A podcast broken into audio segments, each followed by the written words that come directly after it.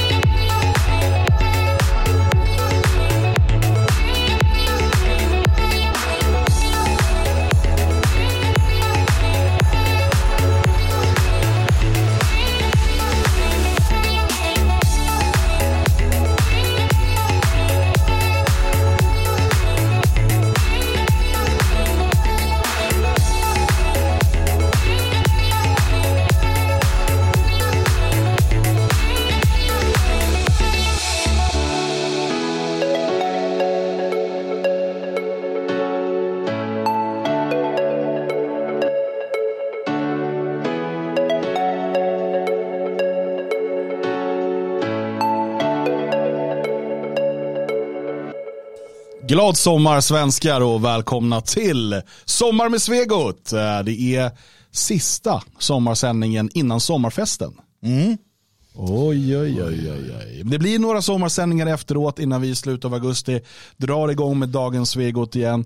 Mer information exakt om det, eventuell ny sändningstid och så vidare kommer senare. Men eh, dagens Svegot är alltså tillbaka i slutet av augusti. Vi kör sommar med Svegot ungefär en, kanske två gånger i veckan fram tills dess. Men det här kommer vara sista sändningen den här veckan för att på lördag har vi det fria Sveriges stora sommarfest här i Elgarås i och kring Svenskarnas hus.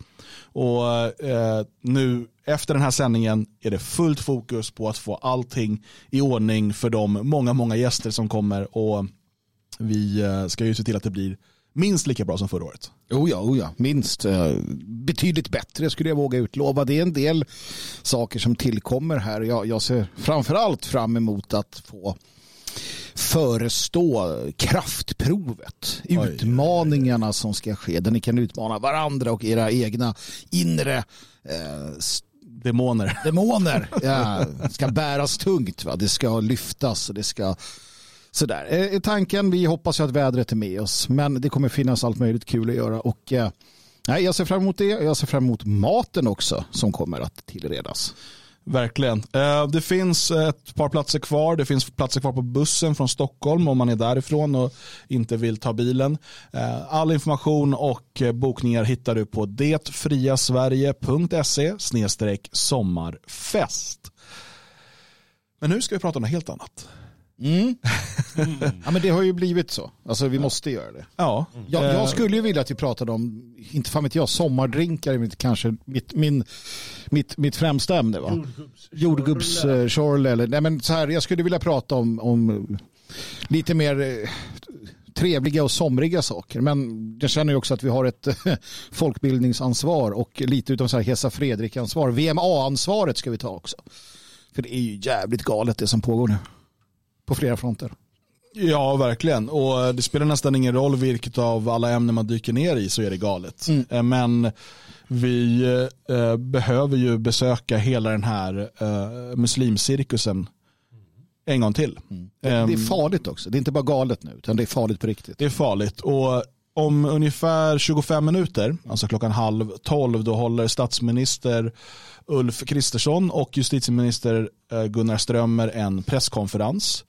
Och eh, vi vet inte exakt vad som kommer sägas där och vi kan nästan lämna spekulationen åt sidan eftersom att vi snart har facit. Mm.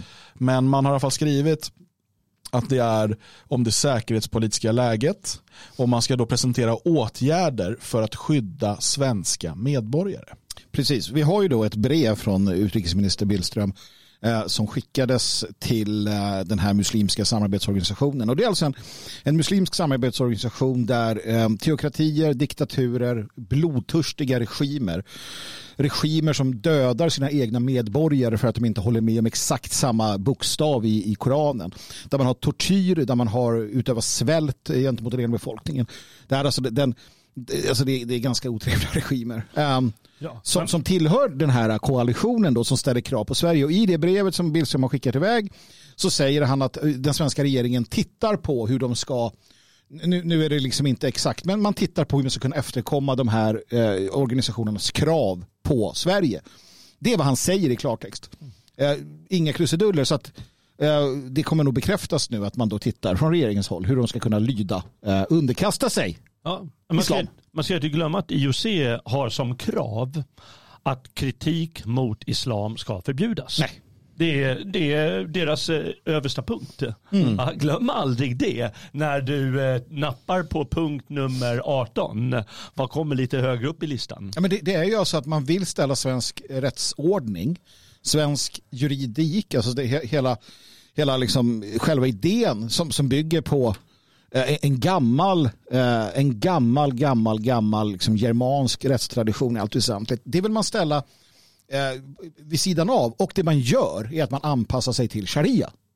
För i mm. sharia-lagstiftningen så får du ju inte naturligtvis men, men saken är, nej, Och det som är här, det här, det här är en konflikt, en clash mellan eh, ett västerländskt synsätt på rättigheter, friheter, eh, demokrati och så vidare mot sharia. Det är, de, det är de två som står emot varandra här. Och varje steg där vår världsbild som ju har formats över tusentals år genom alla olika steg vi har gått eh, och liksom eh, reformation, upplysning och så vidare. Eh, varje steg vi backar tar sharia ett steg fram. Mm. Det är inte så att det står emellan två upplysta ideal som liksom slåss om vilken har den ultimata friheten eller vad det nu må vara. Utan det här är i, i OIC, heter de va? Mm. Eller, ja, eh, och de här 57 staterna så pratar vi alltså om länder som har sharia eh, eller som eh, har delar av det som en del av sin statslag. Det är länder där kristna saknar, alltså vissa av de här länderna där kristna saknar helt laglig rätt att verka. Det är länder där man stenar ihjäl människor till döds för man tycker att de har sagt någonting olämpligt om den så kallade profeten Muhammed. Det är Alltså det är den typen av länder man nu väljer att backa för vad det tyder på. I alla mm. fall så som man uttalar sig. Eh, och det här är, eh, varför är det här farligt då? Varför vi måste väl leva i fred och frihet tillsammans? Man får ta och ge lite. Ja, precis. Ja, nej men, alltså på sätt och vis, eh, alltså det får man lov att göra. Eh, det här är en logisk konsekvens på mångkulturen. Så det är inte förvånande. Vi, vi har ju sagt det här i, och återigen, och det är lite tråkigt att komma tillbaka till det, men för tio år sedan så stod vi här och sa att nu befinner sig Sverige i en situation där vi har kanske 10, mellan 5 och 10 procent muslimer. Eh, då innebär det här och så sa vi vad det innebar. Och så sa vi vad det innebär när de blir 10-15 eh, procent. Och det är det som händer nu. Och då är vi inne på de här alltså krav på särlagstiftning, krav på respekt. Eh, och får man inte igenom det så följs det upp med hot om våld eller våld, det vill säga de här kravallerna vi hade och så vidare.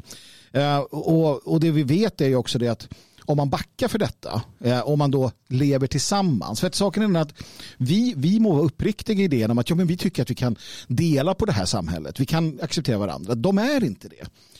I alla fall inte deras liksom företrädare som de här 57 länderna. Utan om du backar nu, det här menar jag är lite sista, sista möjligheten att, att, att spara oss en ganska otrevlig framtid. Men om man backar nu och ger, ger dem så att säga hela handen så kommer vi se eh, om 20-25 procent eh, Libanon i Sverige. Mm. Alltså vi kommer få se och det är det här som du som lyssnar måste ta till dig för du förstår inte det här. Jag, jag tror inte att du gör det.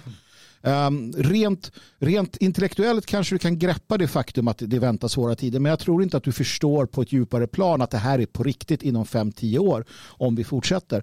Då är det um, uh, våld på en skala som Sverige nog inte har sett sen, sen vi höll på med blankvapen eh, på 1700-talet. Alltså. Det är mm. där vi hamnar och vi är på väg dit 5-10 år från nu. Så, så, så enkelt är det. Ja. Så, och, och eh, när var det Ulf Kristersson som sa att läget är all, har inte varit så allvarligt sedan andra mm. världskriget. Mm. Då ska man fatta att det, det läge som du beskriver, det är det som är farligt. Mm. Inte det han nämnde med säkerhetshotet eh, mot enskilda svenskar. En annan forskare läste, han säger att hotet är inte annorlunda än för 15-20 år sedan. utan det är ganska lika. Men faran är Faran är givetvis vad som händer på hemmaplan ja, ja, med den här ständiga ökningen och stegringen med kommande krav. Eh, många har sagt att eh, ofta är det ganska tomma hot de här eh, heter, OIC ja. kommer med. Mm.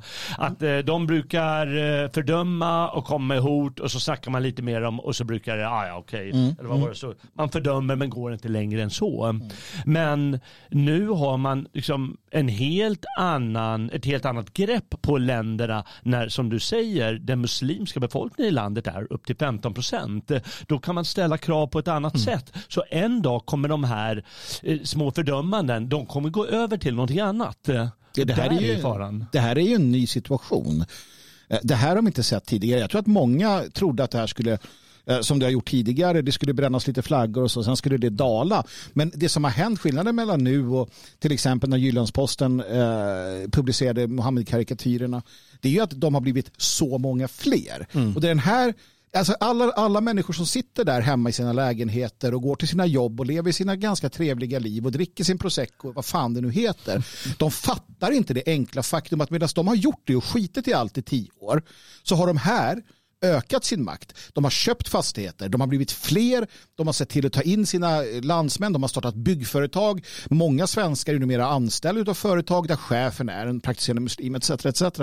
Eh, och, och, problematiken ligger naturligtvis inte bara i den muslimska befolkningen utan det, det är en främlingsinnovation. Men skillnaden eh, mot hur det har varit tidigare i historien så är det ju här en, en i allt väsentligt en muslimsk problematik. För att det är i allt väsentligt muslimer som kommer. Och vi har inte de här problemen med enstaka hinduer eller, eller shiker eller vad det kan tänkas vara. Så att här handlar det återigen om att vi har gett dem försprånget. För fem sex år sedan så berättade vi eh, här i eh, radio, då var det motgift eh, för ett par år sedan, om moskén Klippan. I moskén Klippan så bjöd man in en person som, som, som, som berättade hur man sakta men säkert skulle ta över Sverige. Genom sociala arrangemang, genom alltså hur man gör, hur man, hur man ska göra det. Och han har åkt runt och, och gjort det här i moskéer. Alltså de har haft en uttalad plan där de säger att vi ska ta över Sverige, ett område i taget, en moské i taget, ett, ett torn i taget. Och de har gjort det medan svenskarna återigen har suttit på sina feta arslen och inte brytt sig. Nej. Och, och nu eh, ser vi ju hur det kommer krav nu på fler moskéer i Sverige. Eh, som ett svar på det här. Det, det här är som att och man måste faktiskt fråga sig, jag, jag är ju eh, försvarare utav svensk och västerländsk yttrandefrihet. Jag tycker att eh, svensk yttrandefrihet är bra förutom hets mot folkgrupp i stort sett. Mm. Eh, men ehm, man måste ändå fråga sig, den här Iraken. Som håller på och gör den här cirkusen med att bränna koraner. Vem är han? Mm. För att allt passar väldigt bra nu när också muslimer börjar ställa krav. Eh, och man dessutom nu, nu då eh, samordnar med ett antal stater i Mellanöstern för att finansiera ännu fler moskébyggen i Sverige som ett svar på detta. Mm. Nu säger man att det måste finnas en moské i varje kommun. Eh, och Eh, absolut, muslimerna har varit organiserade, de har eh, arbetat eh, metodiskt och långsiktigt. Vi har pratat om det här, alltså vi, den nationella oppositionen mm. i årtionden, alltså tillbaka till 80-70-talet. Det här är liksom inget nytt. Man kan inte säga att man inte visste det. Vi har pratat om det här länge och det har precis blivit precis så som vi har sagt att det ska bli. Men under tiden så har muslimerna byggt och byggt och byggt och köpt och blivit eh, tagit över område efter område. Medan svenskarna har typ runkat, kollat på porr och, och liksom, jag vet inte, sparat aktier. Mm. Jag vet inte fan vad de har gjort för någonting. Men de har åtminstone inte sett till att liksom skapa områden där svenskar är trygga, för det skiter de i. Mm. Och eh, den här, den här salvan som håller på nu, senast igår var han utanför riksdagen och höll på att bränna någon koran och så vidare. Eh, varför ställer han sig, liksom, han ska alltid stå med en svensk flagga och en brinnande koran. Mm. Som att det liksom är arrangerat för att skapa en viss typ av foton. Ja, precis. Precis. Det, det, är väldigt tydligt. Jag, jag, det här hade ju lösts väldigt enkelt. Om man hade haft en, en, en, politik och en idé, till exempel att man i Sverige hade sagt så här att vi skiljer på medborgare och eh, icke-medborgare att medborgare måste man vara vit för att vara. Man måste vara europé, man måste tillhöra vår etnicitet eller vår ras eller vad du vill. Och det är bara sådana som kan få till exempel utnyttja våra friheter. Mm. Alltså friheterna kan definitivt begränsas. Jag är för en ytterst begränsad yttrandefrihet inom ramen för att främlingar inte ska komma hit och använda den. De ska inte få köpa saker, de ska inte, äga, de ska inte få äga media, de ska inte få äga banker, de ska inte få äga någonting som kan påverka eh, vår nation. Eh, utan det ska vara förbehållet oss helt enkelt. Jag menar, det är väldigt enkelt att, att ha det på det sättet. Eh, precis som man i Thailand då applåderar att folk inte får köpa eh, fastigheter eller mark om du inte liksom bor där eller, eller, om du inte är en av dem. Då hade det varit ganska enkelt att säga att nej, men, det är klart att en svensk får bränna Koranen eller vad fan han vill, hur mycket han vill. Men kommer du hit som någon jävla flykting eller vad som helst, du får inte göra ett dugg. Du ska hålla käften. Du ska lyda och, och, och passa dig. Ehm, jag tycker det är fullt rimligt eh, att göra med främlingar. Ehm, segregation, apartheid, fantastiskt bra eh, metoder för att hålla ordning. Mm. Men, men, ja, eh, och nu, så här, jag har varit engagerad i de här frågorna i över 20 år. Och jag antar att det varit liknande liksom, diskussioner tidigare också. Men under hela den här tiden har vi sagt att ett mångkulturellt samhälle kan inte hålla ihop eftersom att det, dess inbyggda problematik är att människorna inte har en gemensam identitet, en gemensam eh, värdegrund om du så vill, en gemensam eh, eh, världsåskådning, ett sätt att se på ditt och mitt, på friheter och rättigheter och skyldigheter. Och eh, Det krävs att en absolut, alltså en jättemajoritet av människorna i, ett, i en stat har den här gemensamma synen för att det ska kunna fungera. Mm. Eh, och Det har vi sagt hela tiden. Och Det vi har sagt kommer hända om vi inte avvecklar mångkulturen utan det fortsätter med det här och att Sverige blir ännu mer diversifierat, alltså den, den Eh, den svenska majoriteten blir allt mindre, kanske till och med en minoritet om några årtionden. Men absolut inte så pass klar som den var för kanske 20, 30, 40 år sedan det är att vi kommer få se en allt mer totalitär och repressiv polisstat. Vi kommer få se eh, inskränkta friheter och så vidare. Vi brukar ofta då ta Titos Jugoslavien som exempel. Hur håller man ihop de här?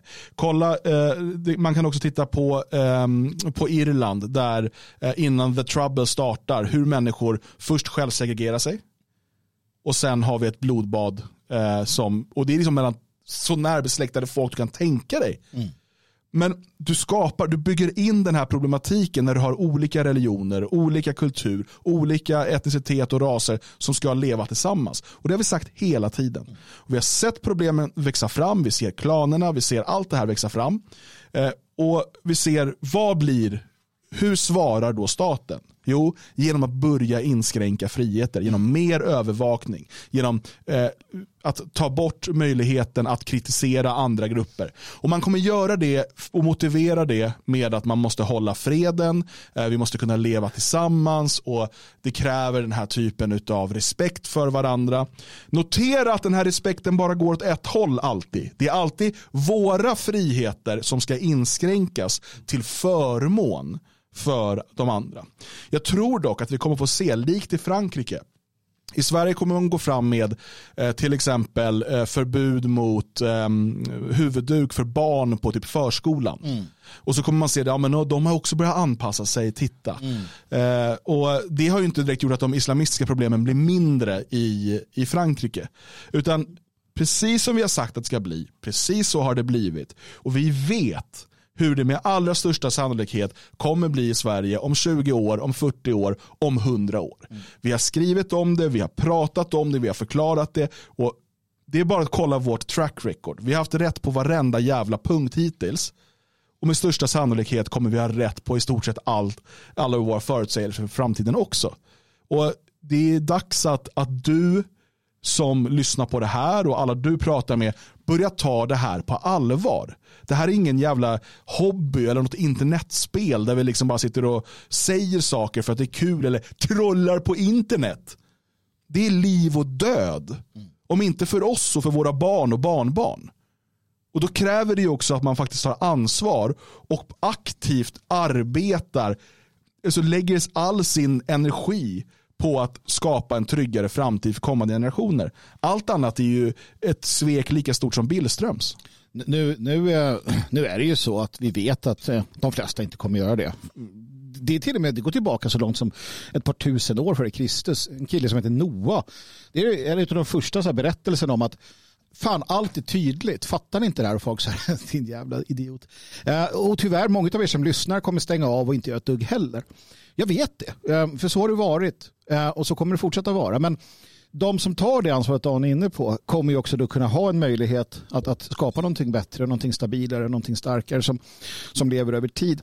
Tack och lov så kommer vi räddas av en sak och det är att så fort muslimerna får mer makt så kommer shia och sunni börja bråka med varandra som vanligt. Mm. Så att du kommer aldrig få den här konsolideringen i den här liksom, kalifatet som de, eh, de kan inte hålla sams de heller. Va? Men vi får ett Sverige som på alla sätt och vis är, är något helt annat. Och det som kommer hända är att alla ni som, som sitter där hemma och, och lever era eh, liksom prosecco-liv eller vad jag kallar det för.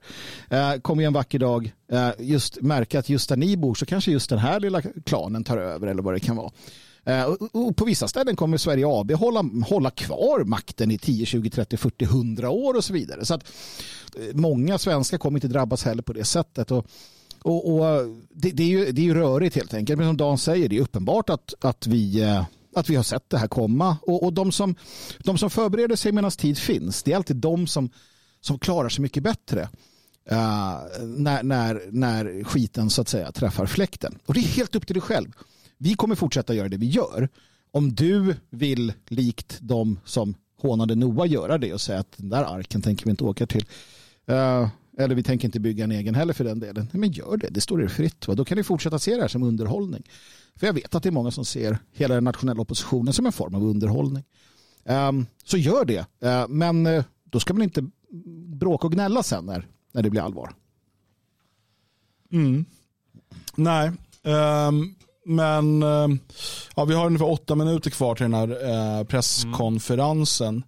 Mm. är det något annat ni reagerar på i de här senaste ja, senaste veckan? Jag reagerar på en grej. Typiskt Socialdemokraterna. Man måste ju alltid ta, ett, eh, ta, ta, ta tillfället i akt och säga något elakt om dem. nu är de ute nämligen och säger att regeringen är för passiv i korankrisen. Och det är Ygeman som i en pressträff, eh, han, eh, han vill upprepa kritik mot Richard Jomshof. Mm. Ja, och det visar sig här att vad, vad, vad, vad sossarna egentligen är ute efter, det är bara i denna mycket allvarliga kris som de pratar om, vill de bara utså splitt i regeringen. Så att den ska liksom krackelera sakta men säkert och sen så, så pass bort så de kan komma fram. Kan du fatta vilket, vilket jävla skitparti alla kategorier. Nej, men det, det, är, det är intressant för att... För jag, jag, kan bara svara på en grej i chatten. Jag tycker mm. det är intressant. En, en Haddi som skriver. Mm. Uh, muslimer kan inte ta ens makten i deras egna länder och ni pratar om muslimer som minoritet Sverige kommer ta makten. Nej, nej, nej. Vi har inte sagt att de kommer ta makten. Det, det, det, tror jag inte kommer ske, alltså de som någon typ av muslimsk kalifat eller sådär. Nej, nej, nej. nej. Ja, kanske om 500 år om saker går riktigt helvete. Det, det vågar jag inte svara på. Vilken gren liksom. Ja, precis. Nej, nej, nej. Det är absolut inte det vi säger.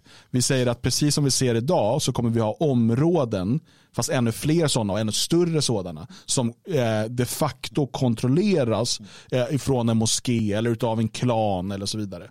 Eh, och det är precis den utveckling vi ser i alla länder som har haft en typ av invandring. Eh, däremot den, den politiska makten den kommer staten hålla väldigt hårt i på olika sätt. Eh, jag tror till och med vi kommer få se, nu öppnar man upp för de här organisationsförbuden mot terrororganisationer. Med tiden kommer man börja stänga ner vissa moskéer som anses vara terrorhot, precis som man gör i Tyskland. Men det har inte löst problemet. Det är det här som är hela grejen. Det löser inte problemet, den inneboende problematiken i mångkulturen. Den naturliga balkanisering eller libanonisering som kommer ut av den. Eh, men det handlar inte om att de tar den politiska makten. Det är helt olika saker. Ja. Vi pratar helt olika plan här. Sen, sen vill jag bara, där måste man också förstå utifrån, för jag vill att man, jag, jag, alla är liksom experter på geopolitik och man tittar på det stora, men det man måste göra är att koka ner det också. Det handlar om, om dina barn, det handlar om dina, din fru, Eh, framtiden i de områden där ni bor. För att om ni inte ser till att skapa svensk makt där ni bor så kommer annan makt råda. Det är inte svårare än så. Makt, någon har alltid makten. Mm. Bor man i områden idag som kontrolleras av gängen, då lyder du gängen. Det är bara att göra. Oavsett vem Men du går ju från och handlar i butiker och så vidare där de tar skyddspengar. Ja, eller till och med äger butikerna. Ja. Så du går ju liksom och sponsrar gäng. Ja. Bor du i någon av de här, alltså jag kan säga i stort sett varenda förort i Stockholm stora delar av innerstan också. Går du på krogarna, mm. går du i många av butikerna, mm. speciellt de här tobaksbutiker och så vidare, då sponsrar du direkt de kriminella klanerna och kriminella gängen. Jo, men du får ju dricka lite vin. Du, jo, får, men, du får men, dansa och knulla in i, in i liksom och det, här är ju, det här är en illa dold hemlighet. Du behöver inte ha mycket intresse för de här frågorna för att veta hur det funkar i till exempel restaurangbranschen. Eh, och, och eh, allt ifrån då säkerhet och garderob till eh, skyddspengar till eh, att till och med äga själva eh, restaurangerna, själva krogarna. Det här är liksom inga, inga konstigheter, men folk går ju och stöttar de här ändå. Eh, så att eh, och, och bor du, jag menar, där jag växte upp så jag minns mycket väl, turkarna kontrollerade, för det var de som var starkast, de kontrollerade restaurangerna och stora delar av liksom, butiksverksamheten. Sen hade vi kristna syrianer som skulle öppna restaurang. De fick ett besök som sa, eh, ni ska stänga den här restaurangen. Eh, de kristna syrianerna sa nej. Det tog några dagar, pang så, stod hela, eh, så sprängdes det och stod i lågor. Man byggde upp igen, det tog bara några veckor och så sprängdes stället igen. Mm. Och sen gav de här syrianerna upp och sa att det är ingen, ingen idé för oss. Um, det här, är, det här är på 90-talet. Ja. Eller ja, början på 00-talet. Det, det, är liksom, det, här är inte, det här är inte nytt. Och, och, det, här finns, och det här kommer bara bli ett ännu mer eh, tydligt problem eh, ju starkare olika etniska grupper blir. Det är liksom den inneboende mångkulturen som, som växer fram. Jo, det, det, det jag liksom vill komma till är att eh, det där är en sak. Det andra, den andra saken är du som bor i ett område som mer och mer kommer domineras eller bli en del av det här. När du åker och handlar på Coop så kommer du du kommer att säga åt din fru att sätt på dig den här slöjan. Sätt på dig huvudduken. Låt lilla, lilla Lisa här ha, ha den här äh, huvudduken när hon går ut och, och handlar lördagsgodis. Det är enklare så. För du kan fortfarande åka till ditt jobb, titta på din skit på tv. Om du bara accepterar att okej, okay, nu är det lite fler muslimer här i området eller lite annat. Men det, det är över göra. 20 år sedan som norsk tv hade ett reportage från Rinkeby om hur de svenska tjejer som fortfarande bodde där färgade håret svart för att slippa trakasserier. Just det. Det, det är liksom, det här Wake up and smell the fucking coffee. Mm. Det här är vad som sker och, och tänk vad som har hänt på de här 20 åren sedan dess. Eller mer än 20 år, jag tror till och med det var 2001 eller någonting som det här reportaget kom. Uh, och det, det, är det som kommer ske. Och precis som Martin är inne på, det här med partiet Nyans och så vidare. Det, det där är bara, slösa inte tid på det. Det är inte där, det, det, är inte det det handlar om. Utan vilka som de facto kontrollerar olika områden.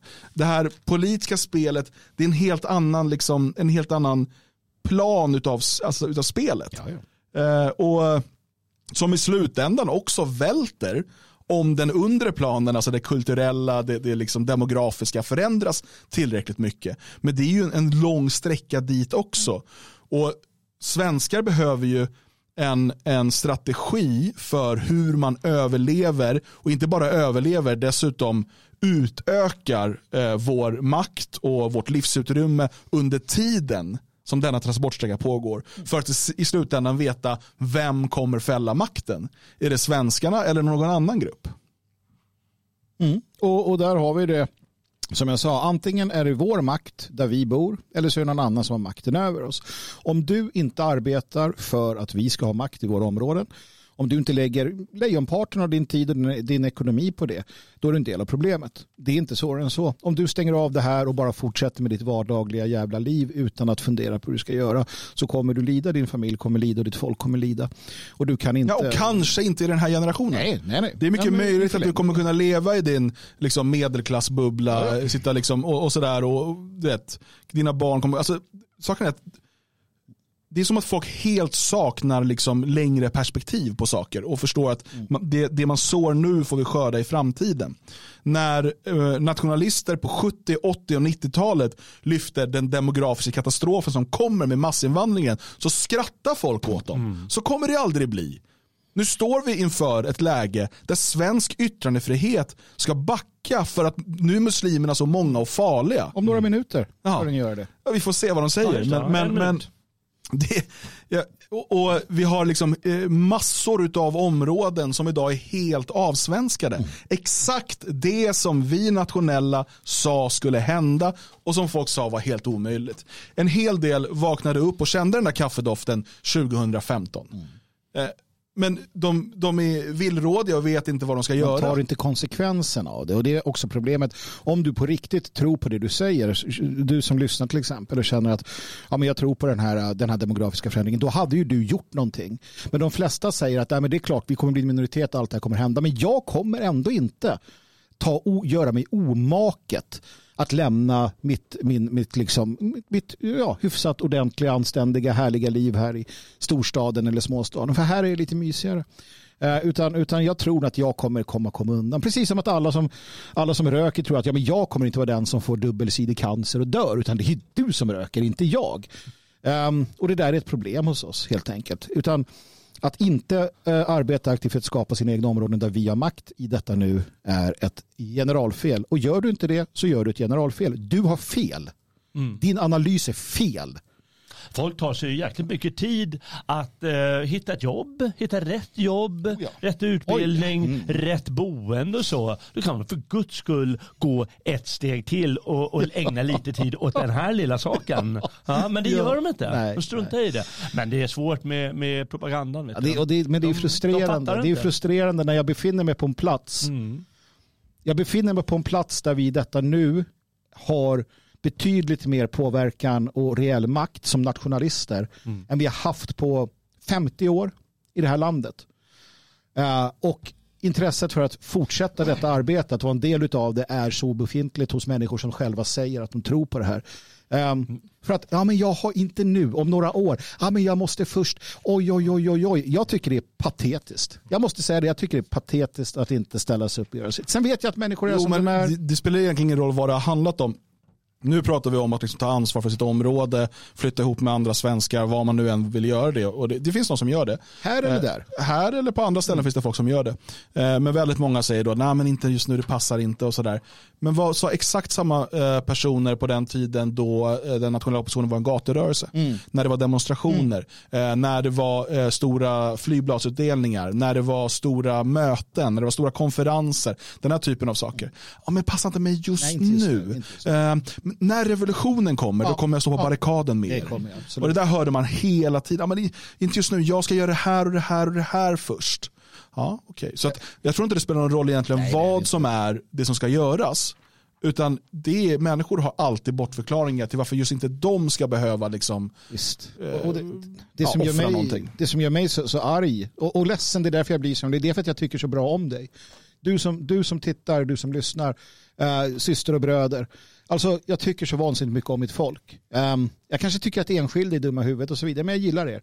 Jag vill att det ska finnas en framtid. Jag vet att jag har rätt. Jag har haft rätt i, som Dan är inne på, jag har haft rätt i 20, 25, 30 år. Och jag vet att det här är vägen framåt. Och jag blir så ledsen när eh, jag vet att, att man bara av olika bekvämlighetsskäl eller annat inte bara agerar. Att man inte bara beslutar sig för att nej, jag ska vara med och skapa en framtid. Utan att man på olika sätt och vis eh, dodgar det. Jag blir ledsen. Det är därför jag blir samtidigt arg.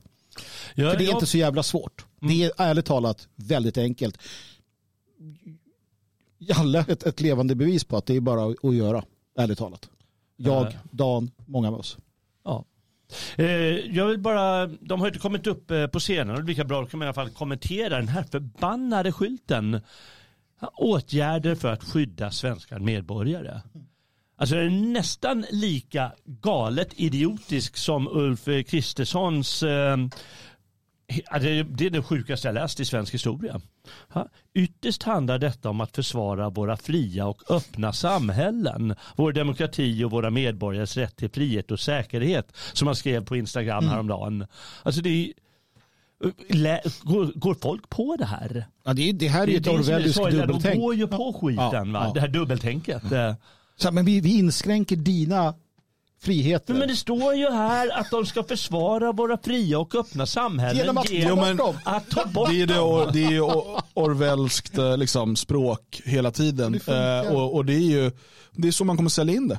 Eh, att det handlar om att, se, nu kommer det in någon här. Det är lite förberedelse här. Eh, det är så man kommer sälja in det. Att, att eh, för att vi ska kunna ha det här öppna och toleranta samhället så måste vi ju förbjuda de här typen av saker. Oh. Återigen, det, det, det här är... Hej alla ni som följer oss live och välkomna till dagens pressträff. Vart någon så här, medverkar statsminister Ulf Kristersson och justitieminister Gunnar Strömmer. Är det barn... Uh... Under pressträffen kommer en powerpoint-presentation att visas. Det är Bolibompa-draken. Under kommer powerpoint-presentationen och sändningen att finnas tillgängliga på regeringens webbplats, regeringen.se. Tack så mycket. Hej hej regeringen.se. Nej men det går ju inte att ha sådär Vad roligt. Skull. Välkommen. De kan ju inte ha de där tjejerna som sköter det där. Men... Sådär ja, nu kommer de. David Förresten, tryck gilla och prenumerera på min kanal. Tänk om Gunnar Strömmer äter upp Välkomna hit till den här uppdateringen av regeringens arbete med eh, den svenska och den internationella säkerhetssituationen som är välkänd. Som alla vet så har vi ett komplicerat eh, säkerhetsläge eh, både i och runt Sverige. Vi har för det första kriget i Ukraina. Det eh, måste nämnas, självklart så. Sverige är fortfarande inte fullvärdig medlem i NATO och kriget härjar i vår närhet. Det finns också aktörer som vill oss illa på olika sätt som sprider eller vidarebefordrar bilder av Sverige eh, som är farliga. Eh, vi har desinformationskampanjer från i våras och förra året. Vi har en ryska narrativ som sprids om Sverige med olika syften. Det kan vara för att förhindra en svensk NATO-anslutning. Det kan i största allmänhet för att sprida en bild av Sverige eh, som inte stämmer. Eh, andra vill använda Sverige som en scen för att sprida hatiska budskap. Det kan både vara svenska medborgare och människor som kommer till Sverige och använder svensk yttrandefrihet för helt egna syften. Eh, de drar in Sverige i internationella konflikter på olika sätt. Och Säpo har också varnat för en förhöjd hotbild, inte minst under den senaste tidens eh, eh, aktioner. Regeringen jobbar på mycket bred front, vill jag säga. Det kanske också är självklart för de flesta svenskar att det är många saker man måste göra i en sån här situation. Det första är naturligtvis hela NATO-frågan. Överenskommelsen i Vilnius var helt avgörande för svensk långsiktig säkerhet. Mm, Vi ser fram emot att slutföra den processen här eh, efter sommaren. Diplomatiskt. Tobias Billström, utrikesministern, har haft väldigt mycket kontakter runt om i världen. Både med länder som är mycket snarlika Sverige och återkommer till det. Men också med olika muslimska länder. Med det viktiga budskapet till dem att vi står upp för svensk yttrandefrihet. Att vi förväntar oss att de respekterar svenska ambassader och säkerheten vid svenska ambassader men också förklara skillnaden mellan budskap som enskilda individer sprider, inte minst om det är hatiska budskap eller föraktfulla budskap. Skillnaden mellan det och vad den svenska staten står för. Tobias Billström har haft ett stort antal kontakter, inte minst med de medlemsländerna i den, i, i, i eh, den organisation som också träffades i, igår. Underrättelsemässigt, självklart. Det mesta av det sker av naturliga skäl i tysthet under radarn. Men det är extremt viktigt att kunna upptäcka hot tidigt. Att olika underrättelsemyndigheter samarbetar väldigt tätt. Att stoppa farliga människor från att komma till Sverige överhuvudtaget. Dags att börja nu. Vi står i daglig kontakt med de svenska underrättelse och säkerhetstjänsterna för närvarande. Så allvarligt tycker vi att situationen är. Gunnar Strömmer har ju tidigare beskrivit skärpta åtgärder för att bekämpa terrorism och intensivare samarbete mellan olika myndigheter eh, för att upptäcka saker tidigt. Carl-Oskar Bolin, minister för civilt försvar tillsammans med Myndigheten för psykologiskt försvar har ju diskuterat desinformationsrisken och bedrivit folkbildningsarbete närmast. Att vara misstänksam eh, gentemot budskap som sprids i Sverige och om Sverige. Jakob Forssmed, socialministern som också bär ansvar för relationerna till olika trossamfund, har en tät dialog med olika trossamfund i Sverige. Och han och jag har gemensamt haft flera möten också med trossamfund, både muslimska och med andra trossamfund.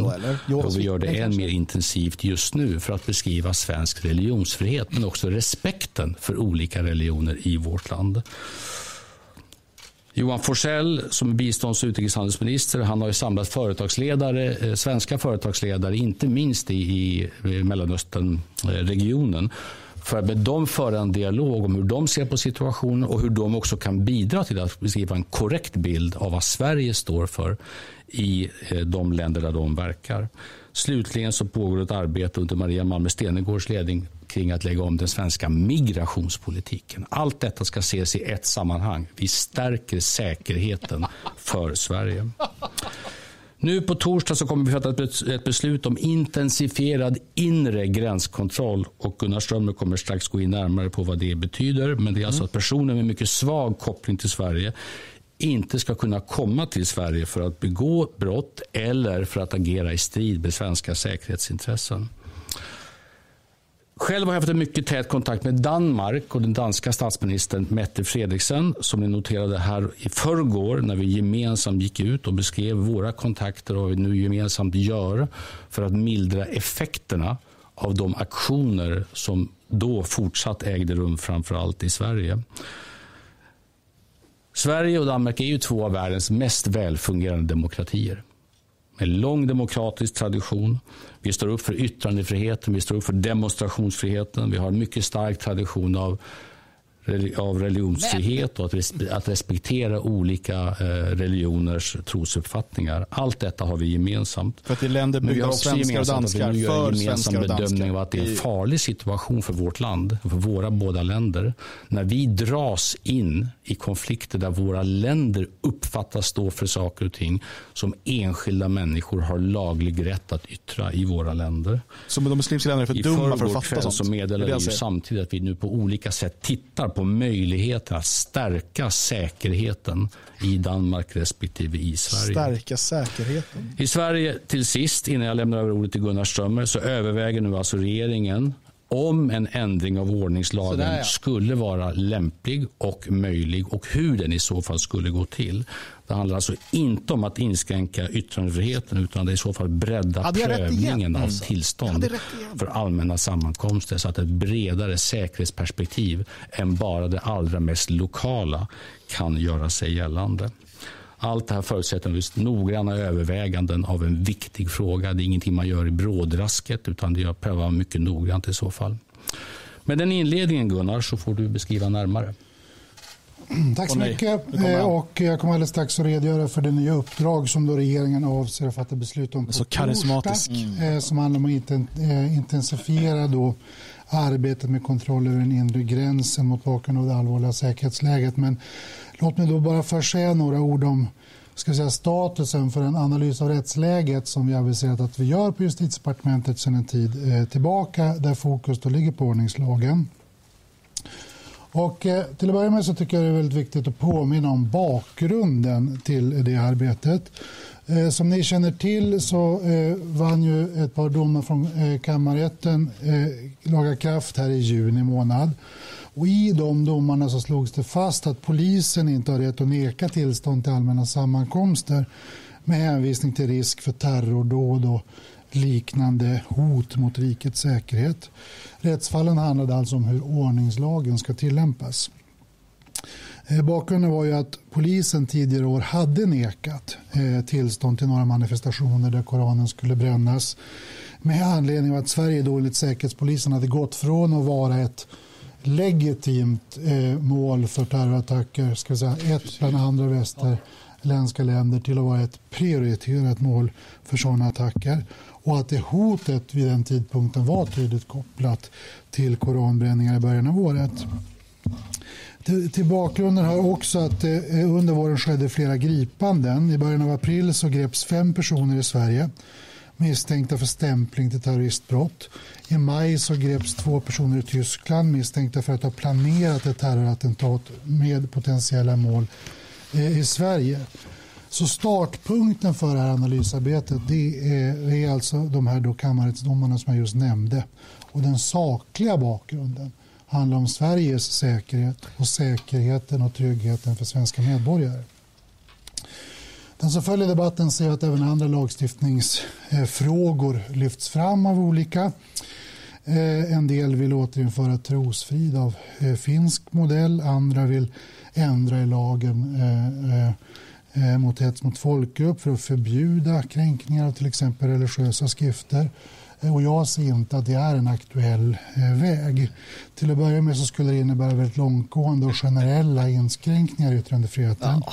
Eh, dessutom så förutsätter det i praktiken grundlagsändringar. Bestämmelsen om hets mot folkgrupp, om vi tar den då, eh, som utgångspunkt finns alltså inte bara i brottsbalken utan den har sina motsvarigheter i tryckfrihetsförordningen och yttrandefrihetsgrundlagen. Eh, och det är praxis att ändrar man i straffbestämmelser av det slaget så ska man göra motsvarande ändringar också av grundlagarna vid samma tidpunkt. Så vad vill du göra? Tid, Eh, och regeringens utgångspunkt är alltså att om man överhuvudtaget ska göra några lagändringar på det här området så ska det ske inom ramen för dagens eh, grundlagsskydd för yttrandefrihet. Man kan alltid hitta ett sätt. Och det, och det är då sammantaget bakgrunden till varför vårt analysarbete inom justitiedepartementet har tagit sikte på just ordningslagen. Vi har inte fattat några beslut om att tillsätta någon utredning om detta. Men vi arbetar konkret med hur direktiv till en sån utredning skulle kunna se ut. Och vi gör det för att få en, ska säga, en precision i arbetet. Tydliggöra frågeställningarna, tydliggöra riskerna med att gå en sån väg och också tydliggöra de noggranna intresseavvägningar som måste göras för att vi ska ha ett eh, så precis underlag som det bara går innan vi fattar beslut om vägen framåt. Inriktningen eh, i ett sådant arbete handlar inte om att förbjuda vissa yttranden utan att i sådana fall se på den praktiska tillämpningen eh, av ordningslagen. Till exempel frågan om huruvida rikets säkerhet i form av ett terrorhot eh, eller kunskap om att en statlig aktör agerar genom bulvaner i Sverige för att skada våra säkerhetsintressen. Om det är sådana omständigheter som skulle kunna vägas in vid en tillståndsprövning rörande en Sånt får man aldrig veta för det är Idag är vi mm. väldigt sårbara i sådana situationer. I arbetet ingår förstås också att se på andra länder som har ett starkt skydd. Men okej, okay, de inre gränskontrollerna eh, kommer man säga mer om. Eh, men som har ett större utrymme. Frågan är vad de ska göra med ordningslagen. Då. Mm. Precis, och det kommer vi inte få veta, för det tittar man på. Men det man kommer göra äh, i allt väsentligt är att man kommer säga att när Säkerhetspolisen eller annan mm. MUST liknande säger att nu är det fara för rikets säkerhet, då, kan, då ska man ha rätt att förbjuda, mm. alternativt flytta långt bort eller typ ja, så. Och det är vad man kommer göra och där har man böjt sig och där har vi då gått den vägen som vi sa att man skulle gå. Som vi sa, man kommer inte ge sig på grundlagen, det är för besvärligt. Man ger sig på ordningslagen, vilket är enkelt. Ja, och sen kan man då låta polisen göra det. Så, att, mm. så här med gränskontrollen. Från aktörer inom den våldsbejakande islamistiska miljön. Sverige, oh, sorry, Sverige har gått från att vara ett legitimt till ett prioriterat mål för terrorattentat efter koranbränningarna i januari i år. Och därför vidtas också en rad åtgärder eh, som eh, eh, ta sikte på att möta situationen. Det är alltså inre gränskontroll handlar alltså om gränsen till Sverige, beslutade typ regeringen och så vidare. Ja, till Säkerhetspolisen att stärka samverkan mot terrorism med 15 myndigheter och att intensifiera det operativa samspelet mellan Säpo, polisen, Försvarsmakten och FRA gällande bland annat individer som bedöms utgöra attentatshot mot Sverige. Eh, och eh, eh på grund av då nu ska jag se vilken vi är på här. Den är vi på, ja. På grund av det eh, försämrade säkerhetshotet så bedömer regeringen också att det föreligger ett ökat behov av kontroll över vilka som försöker eh, resa in i Sverige ja, ja. och i vilka syften. Den inre gränskontrollen är Men det är också helt oväsentligt egentligen. För att tittar du på vilka som kom 2014 när vi vet att IS till exempel äh, placerade så kallade sleepers i, i flyktingströmmarna. Vi pratar ju hundratals, tusentals människor som redan är här mm. som bara väntar. Säkerligen många är en del av de kriminella nätverk, gäng och klaner som agerar redan i, i Sverige och Europa. Mm. Så att, ja. Eh, och eh, Polismyndigheten har då i uppdrag att säkerställa eh, och genomföra kontroller vid inre gräns och andra typer av gränskontroller. Och sen då det här uppdraget gavs Eh, till, eh, eh, till polisen så har säkerhetsläget försämrats. Vi har alltså gått från att vara ett legitimt ett prioriterat mål för terrorattentat och det menar vi också måste återspeglas Men det, i det här, Alltså ärligt talat mina vänner, det, när man backar mm. så blir man prioriterad. Ja. Jag vet jag såg någon film för länge sedan där det finns enligt uppgift så, så, finns det en princip i USA att man kommer aldrig förhandla med terrorister som inte ens om de tar typ eh, presidenten som gisslan. Mm. Skjut honom. Att, du, att man har det som inställning, du kommer aldrig förhandla med dem. Det enda sättet att undvika utpressningsförsök det är att vi kommer aldrig, ni får skjuta alla, vi kommer mm. aldrig förhandla. Mm. Här säger man tvärtom och det är då det blir förhöjd risk. Hade man sagt far åt helvete. Precis. Precis, det är så enkelt. Det är så enkelt. Jo, men samtidigt så har ju de importerat problemen ja. och de finns på vår mark. Så de kan inte säga dra åt helvete utan att också lösa grundproblematiken, alltså avveckla mångkulturen. För att problemen är redan här. Mm. Och då blir det det här. Ja. Alltså det är hela grejen lite av ett spektakel också. Att de gör lite för mycket av just den här. Att ja, men de där OIC eller vad de heter. De träffas och ställer sina krav. Vilket de alltid gör. Mm. Och kanske inte så mycket. Kanske inte något att ta så jäkla allvarligt. För de här hoten. Ja, de har funnits här 20 år. Det är bara att de ser lite olika ut. Eh, så mycket viktigare det här som vi sa förut. Eh, vad händer i lokalsamhället? Mm. Att fokusera på det. Men det här är ju ett sätt att blåsa upp sig själva och visa att så viktigt och blåses upp i medierna och, och allt vad det är.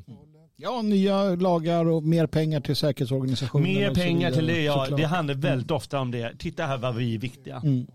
Ja, det är, det är sorgligt.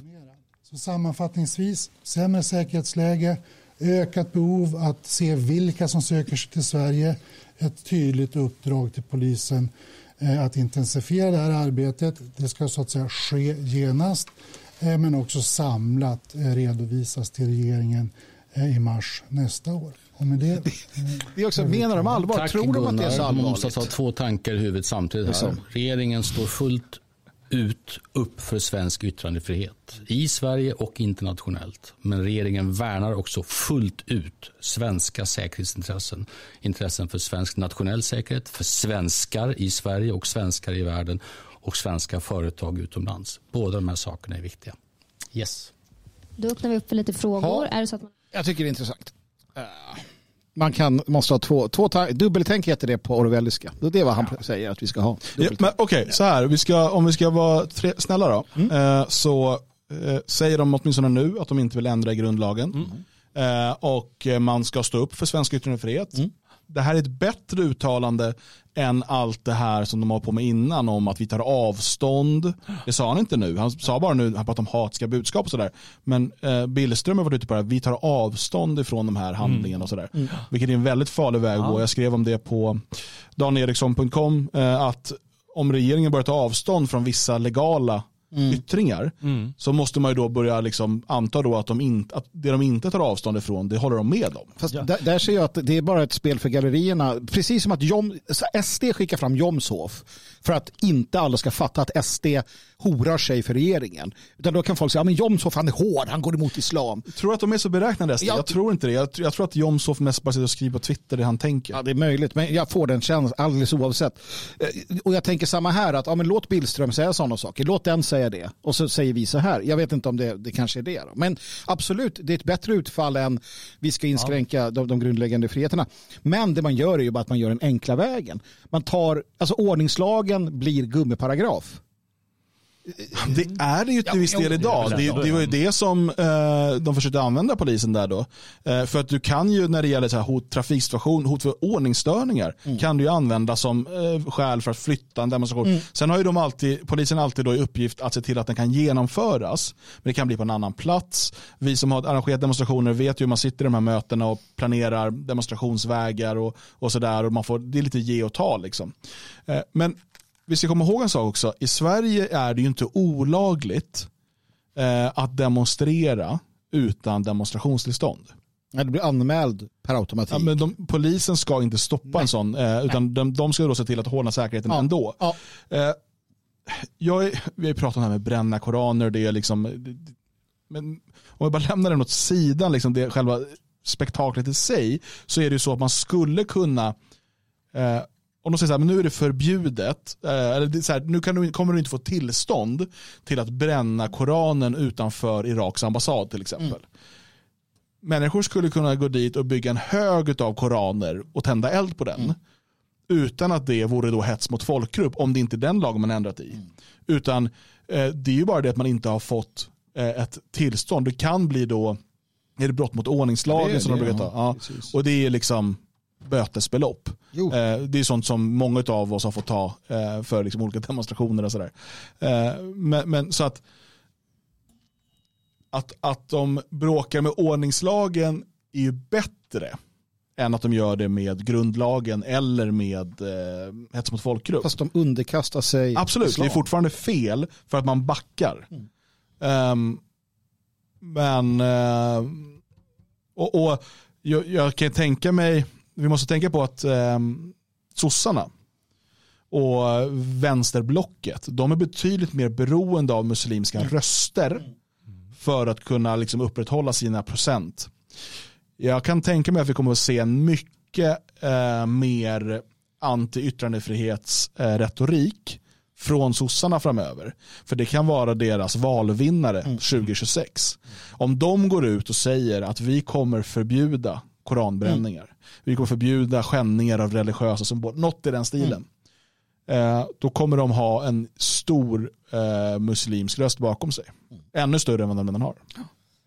Ja, jag tycker också, jag vill bara säga det, jag tycker också är ganska, ganska uppenbart att de var faktiskt försiktiga med, eh, med att ta avstånd som, som vi hörde från de här situationerna. För det, det strider mot konstitutionen. Det har ju blivit eh, skandaler eh, tidigare. Jag kommer ihåg Laila Freivalds när hon stängde ner eh, Sverigedemokraternas hemsida. hemsida. Mm. Och hon blev ju avsatt, hon fick avgå så småningom. Mm. Och eh, det är de, både Billström och eh, Kristersson de har ju varit ute och sagt, tagit avstånd och fördömt de här handlingarna, mm. vilket de alltså inte får göra. Mm, mm. Det är ju, de borde egentligen avgå i den eh, stunden. Ja, ja. Hamna hos KU och mm. sen småningom avgå. Så de har blivit lite försiktigare. Och, jag tycker det är märkligt hur de blandar in det här med gränskontroller och så vidare. Det är kanske är ett sätt för dem att smussla in det där att de vill ha ändå lite mm. hårdare och hårdare gränser. Men att det ska se så ut i alla fall. Mm. Nej men precis. Men, men, men, men så... de ger sig på ordningslagen. Mm. Ja. Jag tror att de har målat in sig i ett hörn. Principen, de måste göra någonting. Ja, men princip, principen är tydlig. Man ger vika för våld och hot. Vilket mm. lär mig att ju mer våld och hot som du riktar mot Sveriges regering, mot svenska staten, desto bättre är det för att då kommer de ge sig. Det är det enda de säger till vilddjuret. Det är signalen de skickar. Det är signalen till vilddjuret. Um, jag vill bara, innan, innan vi gör något annat, jag vill bara flytta, gå tillbaka till innan pressessen. För vi fick en fråga. Det var någon i chatten som skrev, vad, gör, vad ska vi göra när utlänningarna flyttar till de svenska områdena? Uh, de kommer inte flytta till de svenska områdena och är det någon som försöker så kommer de 10, 20, 30, 40, 50, 60, 70 svenska familjerna i de orterna med 3, 4, 500 boende se till så att de inte flyttar dit. Det, det är det här som är, det är, det som är poängen. Det är därför det måste byggas nu. Det är därför folk måste eh, säkra upp och, och, och så här, demografi är ödet, demografi är makt. Eh, och demografi är inte bara på världslig eller nationell skala. Det är demografin i din by. Vilka utgör befolkningen i den här byn eller stadsdelen eller staden eller var du nu befinner dig någonstans i det här samhället. Och om en, en majoritet utgörs av organiserade nationellt sinnade svenskar mm. Alltså organiserade med varandra menar jag då. Inte att de behöver vara medlem i ett parti eller så. Nej, nej. Utan att de är organiserade med varandra. Så kommer man också ha makten, de facto makten över den orten. Mm. Man kommer också ha den förmodligen ekonomiskt. Man kommer ha den liksom, eh, kulturellt och man kommer kunna på olika sätt eh, se till att man styr över det, det området. Det är precis så som andra grupper har gjort. Och det, det, menar, vi är eh, inte jättemånga men det blir fler och fler eh, här och runt omkring. Och vi märker redan nu.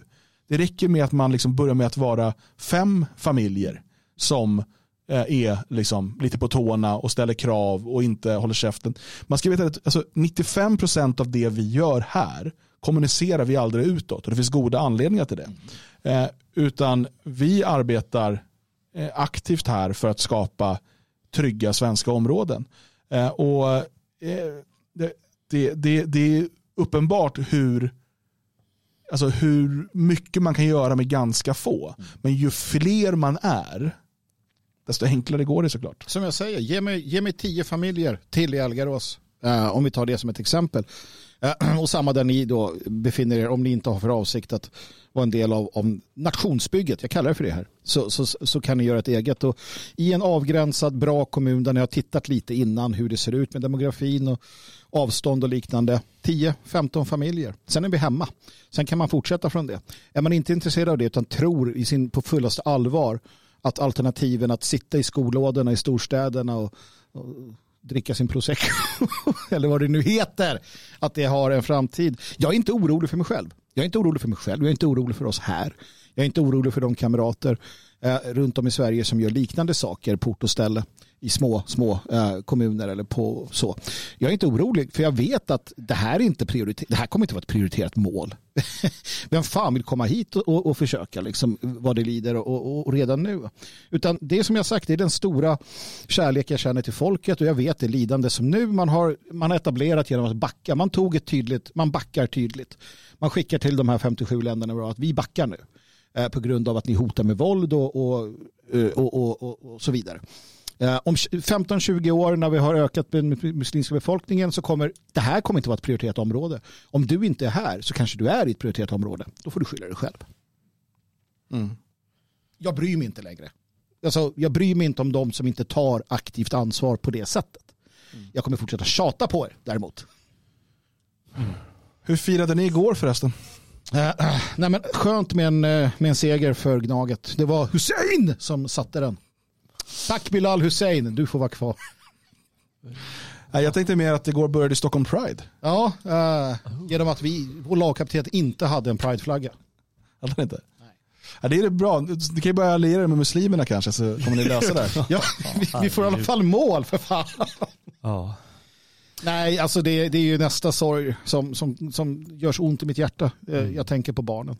Det, det handlar om barn. Jag, jag, tycker det handlar mer om det. Jag tycker det handlar om hela familjer. Ja, hela familjer. Hela som, Sodom och Gomorra. De tror att de, ja men vi går dit och kollar och är med lite. Vad är det för jävla tokeri? Alltså jag läser på Prides hemsida. Eh, jag ska inte börja gråta va, men jag vill det. Jag vill gråta, det gör så ont. Ja. Pride Youth på lava. Få höra. En oas för dig mellan 14 och 25 år. Jag, slutar där. Det här är alltså någon form av bögeri. Mellan, mellan 14? Mellan 14 och 25 år så träffas vi på Lava, Kulturhuset våning 4.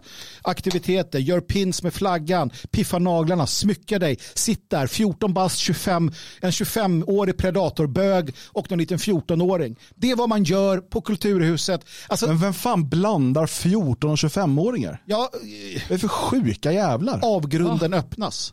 Det är det jag säger. Och också ett, en, en, liksom en sexualis, ett sexualiserat evenemang. Det handlar bara om För sex. Det, handlar, ja, det handlar på om, deras jävla sida. Jo, men det handlar om sexualitet.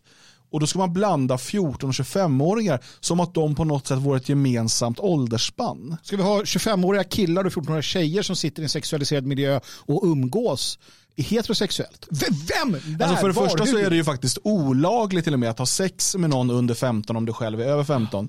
Uh, I Tyskland är det förbjudet med någon under 18 om du är över 18. Och då börjar vi prata ordentligt spann där.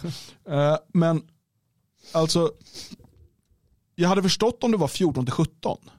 Ja, ja. Den typen av tonåring. Ja, ja, ja. 18 till 25. Alltså, det är de här åldersspannen. Men 14 till 25. Allt handlar om barn eller väldigt unga och äldre. Allt på Pride handlar om att det ska vara vuxna mm. Eh, och barn. Det är det, det är det enda det handlar om. Och vi har ett annat evenemang också. Uh, som jag orkar. Här. Ja. Regnbågsdisco för transbarn. Och det här är spännande för hur de beskriver det då. Mm. Välkommen på disco för dig som är trans och upp till 13 år. Så det är de här som inte ska vara med 25-åringarna då. Men det löser man ändå. Det blir dans, lekar och snacks. Ta på dig din prideigaste outfit och kom och festa loss. Förälder eller annan närstående får gärna lämna och hämta men festar gör barnen själva tillsammans med ledarna som själva är transpersoner. Det kommer finnas möjlighet för föräldrar eller annan närstående att vänta på plats. De ska inte få vara med alltså. Mm. Som när Föräldrar ska inte kunna, du vet, och det är upp till 13 år. Mm.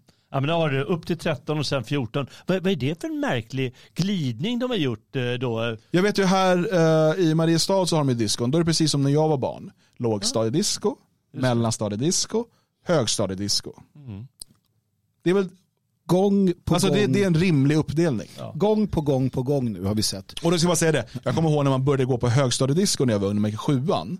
Då var niorna jävligt stora. Alltså. Man kände sig, det är först när man gick åttan, nian som det var riktigt bekvämt att gå dit. Jag ska förklara. Gång på gång på gång har vi nu under de senaste åren sett hur den typen av ledare som, som sköter sånt här, alltså förebilder, företrädare inom organisationerna döms för grovt barnporr barnporrbrott i USA och på andra ställen. Eh, den här typen av då eh, män som säger sig vara kvinnor och sen kräver att de ska få fritt tillgång till barn har vid åtskilliga upprepade tillfällen dömts för grova barnpornografibrott för att det de är är i allt väsentligt oftast pedofiler. Eh, som har hittat en väg framåt för sin, eh, sin perversion. Därför har det gått så långt så att man till exempel i USA har startat organisationen Gays Against Groomers där den eh, liksom, alltså, HB-rörelsen säger nu får det fan vara nog. Det här kapas av predatorer, sexuella predatorer. Men hela västvärlden har bestämt sig för att vi står på pedofilernas sida. Av, av en outgrundlig anledning. Um, betyder det att alla transor är pedofiler? Nej, det gör det inte. Men här så kan vi konstatera att i en sexualiserad miljö där du har fri tillgång till barn vilka söker sig dit? Det är men, sexualiserat men alltså, vilka, och är vilka vuxna vill fästa loss med barn under 13 och vill att föräldrarna inte ska få vara kvar? Eh, för jag var till exempel, då, min, min son var på ett sånt där lågstadiedisco i Mariestad.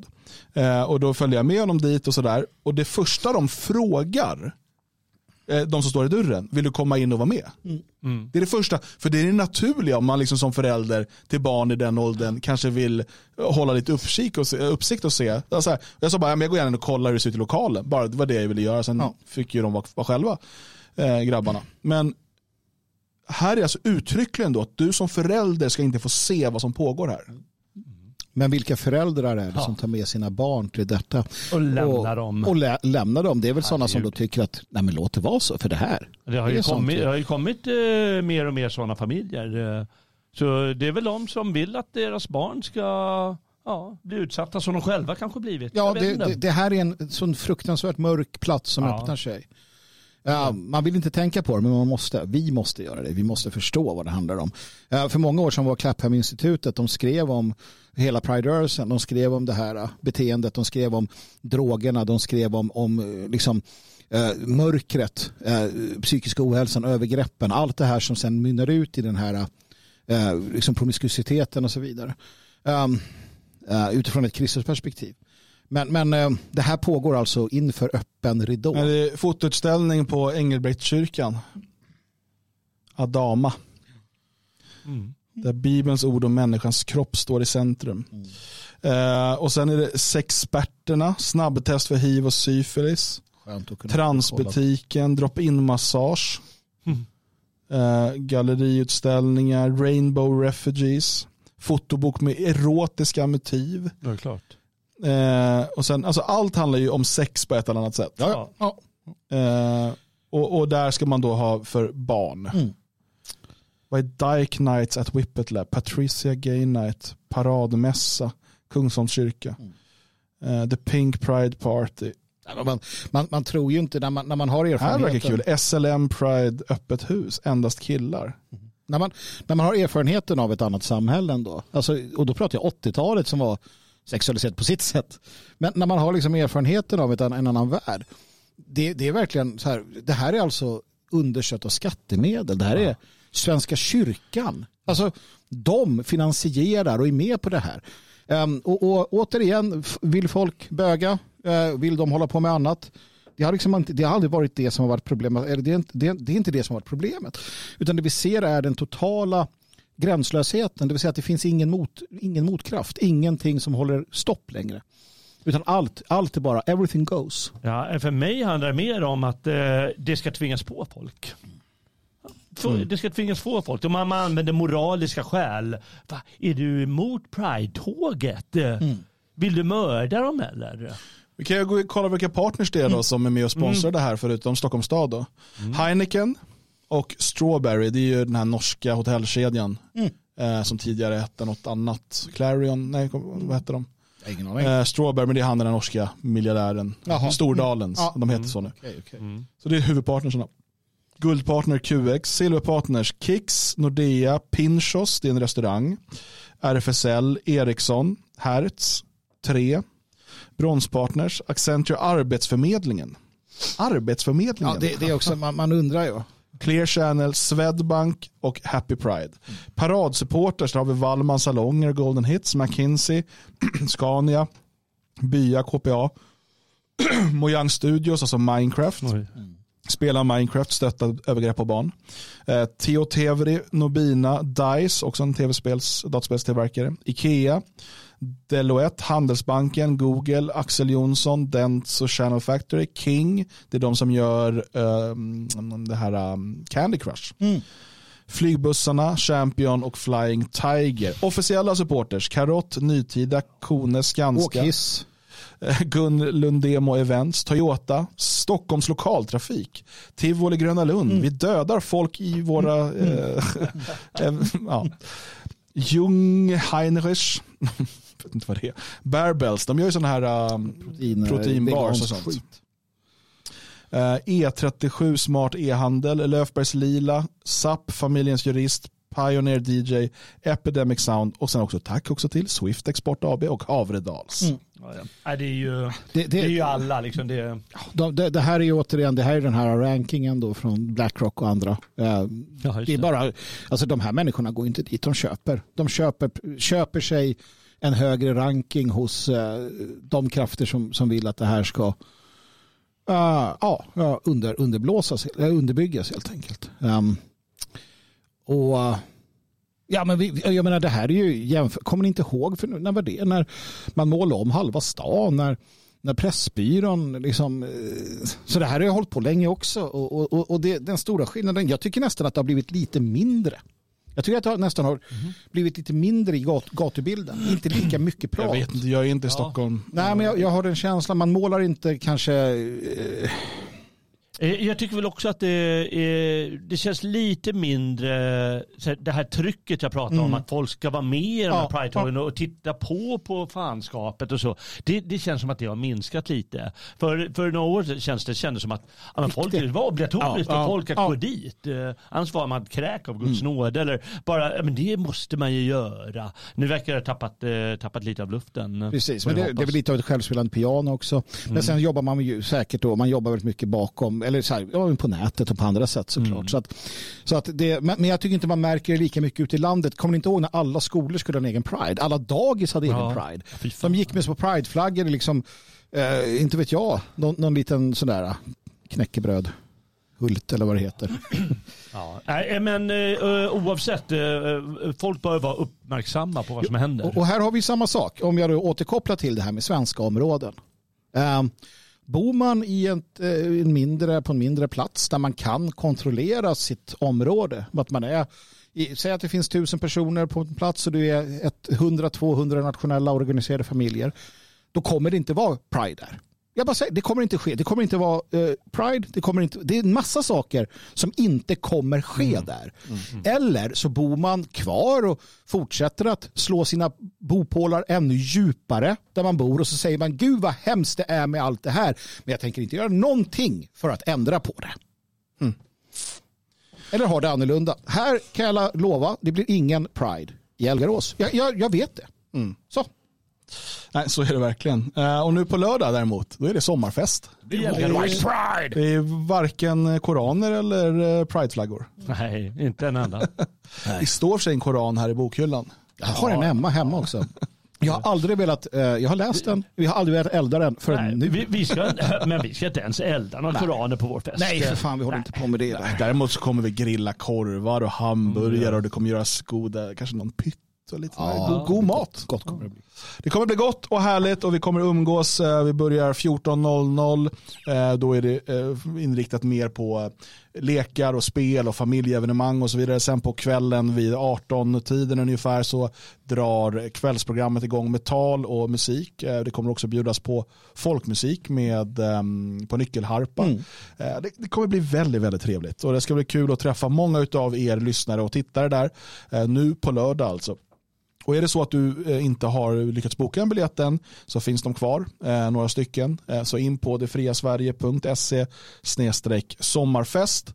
Och nu kommer vi avrunda det här, för nu, nu ska vi gå och bara tok förbereda yes. årets roligaste sommarfest. Tack för att du var med idag. Vi syns på lördag eller i värsta fall nästa vecka. Hej, hej.